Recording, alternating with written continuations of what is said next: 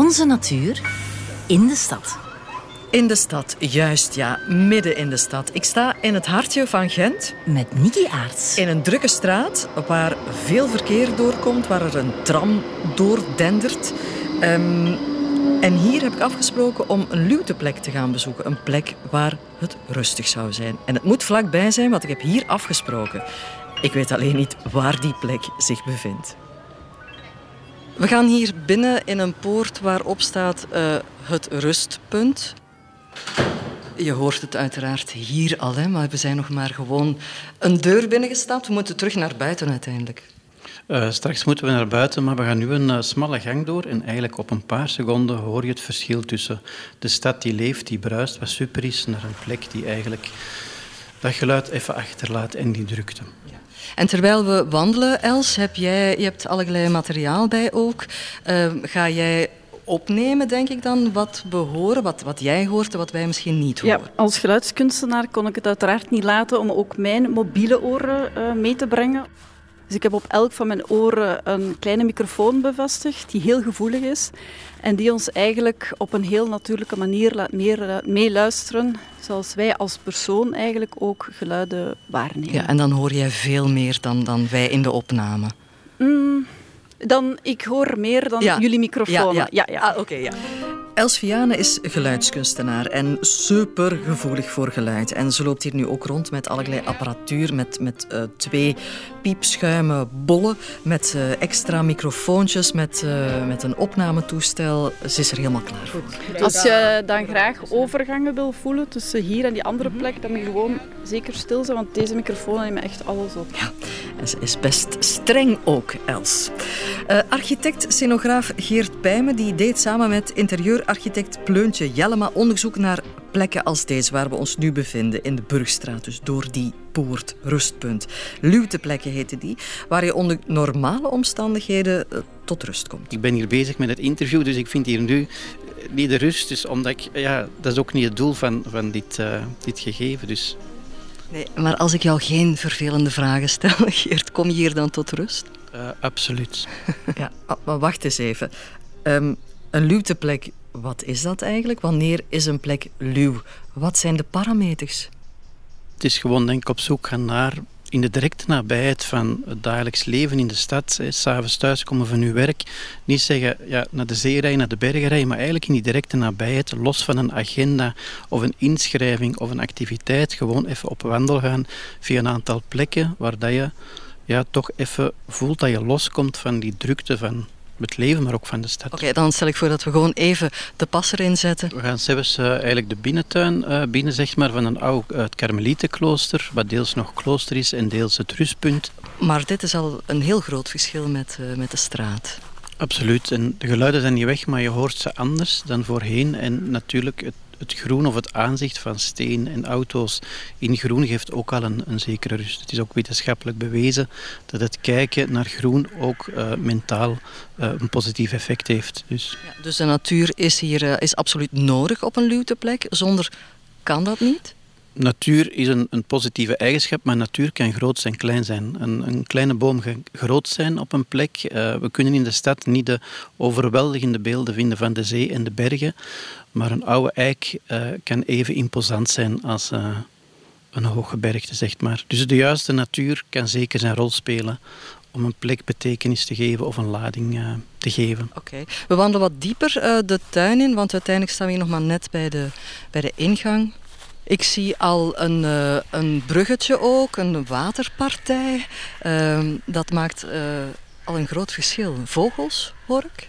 Het zijn de vogels en het, zijn, het bruggetje een fijn, het is een, een, een oud romantisch bruggetje over een vijver die een zakdoek groot is waar je even kan rondwandelen, maar toch heeft het bruggetje of heeft het de mogelijkheid om ook een soort symbool te zijn van verbindenis of uh, absoluut. Ja. Uh, ik kom meteen toch al bij jou, Els. Je bent opnames aan het maken, maar je kan misschien ook wel een vraag beantwoorden ondertussen.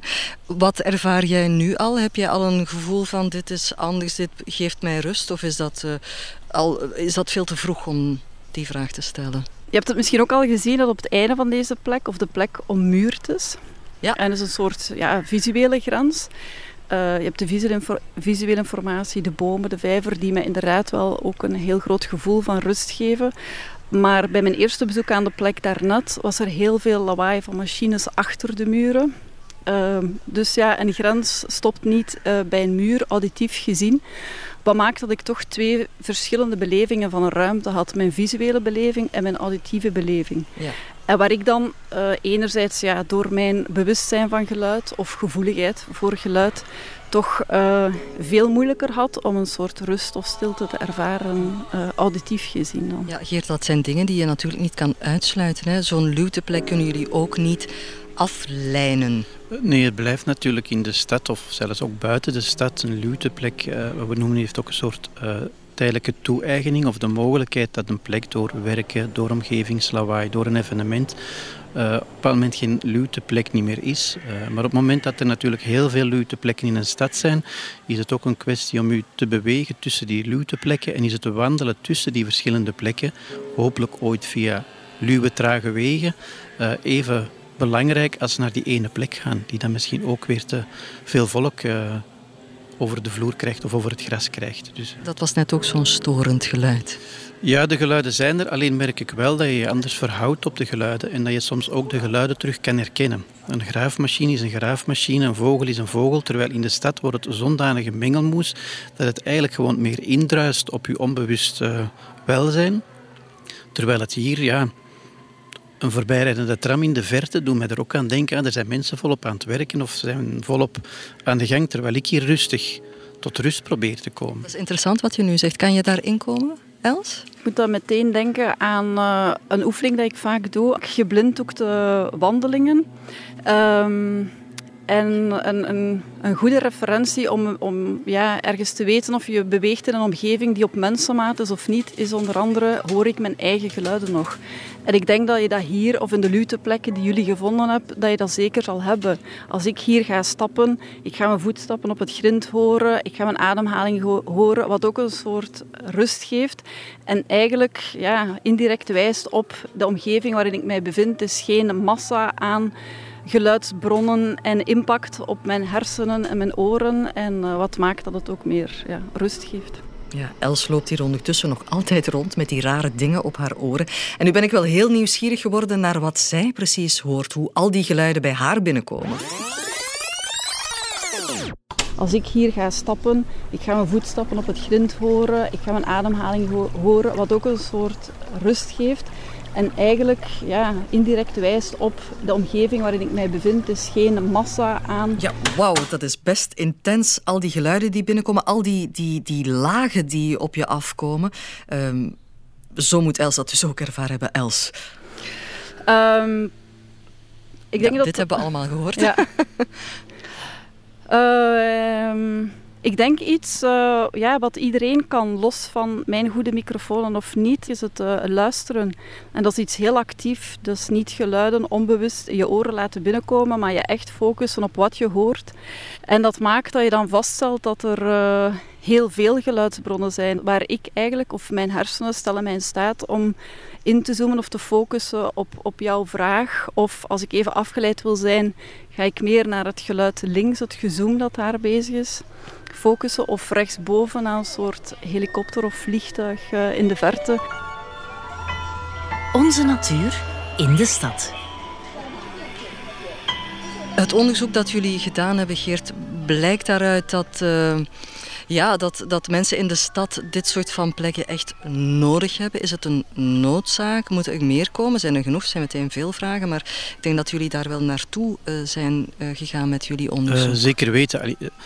Onze drijfveer waar we tien jaar geleden mee begonnen zijn, is dat er vroeger was er een soort maatschappelijke tijd-ruimtekader, zeg maar. Eh, na tien uur werd er niet meer gebeld. Je had de zondag waar alles eigenlijk gesloten was.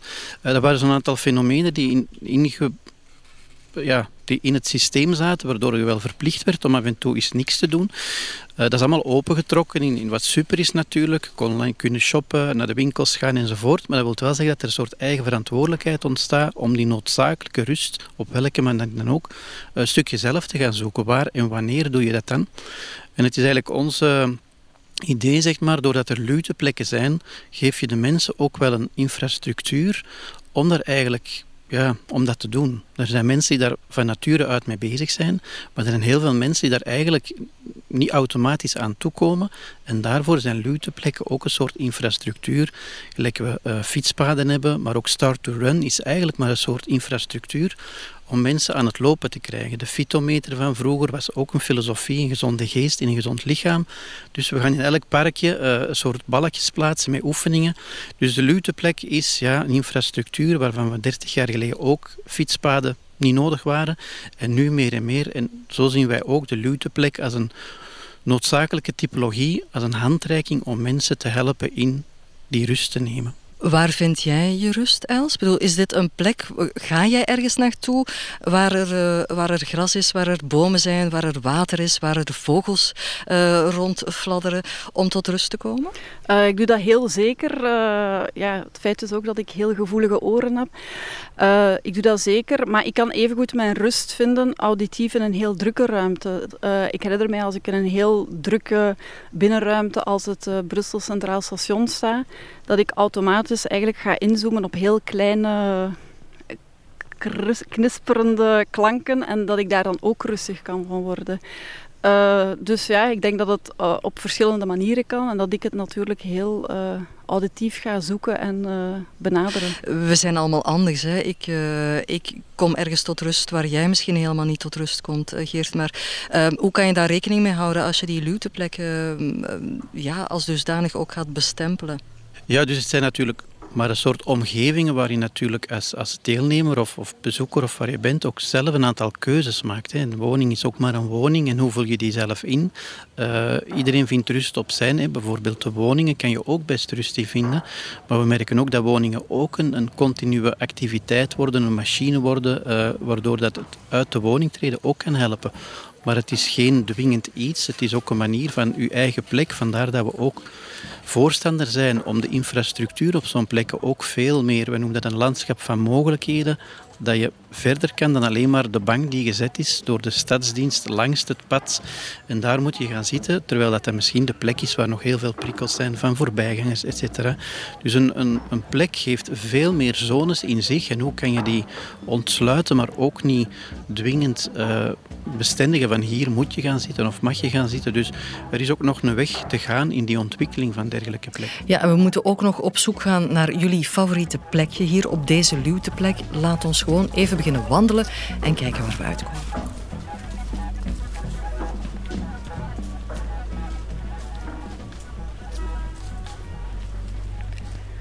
Ik vind het nu bijvoorbeeld heel mooi hoe het visuele en auditieve samenvallen. Ik denk dat we een soort uh, mechaniek van een kraan of zo hoorden achter ons. En op het moment dat we hier zo'n beetje in die bomenzuil betreden, valt er zo een visuele en auditieve rust samen. Dat vond ik wel ja, dat heb ik ook gehoord. Ja, heb ik ook gehoord en gevoeld zelfs. En van hier, ja. ja. hier is het rustiger. We voelen dat gewoon als we in de bergen gaan wandelen. Dan zeggen we op dat moment, ah, als we nu een plek vinden om te picknicken, dan stoppen we. Wat maakt dat we een plek aanvoelen waar niks is dan alleen maar natuur? Om te zeggen, hier picknicken. Is dat een landschap? Is dat een omgevallen boom? En deze plek heeft dat ook. Dat was inderdaad, het werd iets rustiger. De zon valt weg. Er staat een hele mooie oude uh, of dergelijke. Voilà, en plots voel je hier stoppen we even. Terecht, want het was een zalige plek om even te stoppen. Uh, Geert Pijmen en Els over hun beleving op een plaats in het midden van de stad waar het toch rustig toeven was, waar er verstilling en rust was. Dit was Onze Natuur in de Stad. Volgende keer. Vat ik post in het Egmondpark in Brussel onder een 100-jarige Ik zocht altijd de boom in het landschap. En op de duur moest ik vaststellen dat bomen mijn enige protagonisten waren.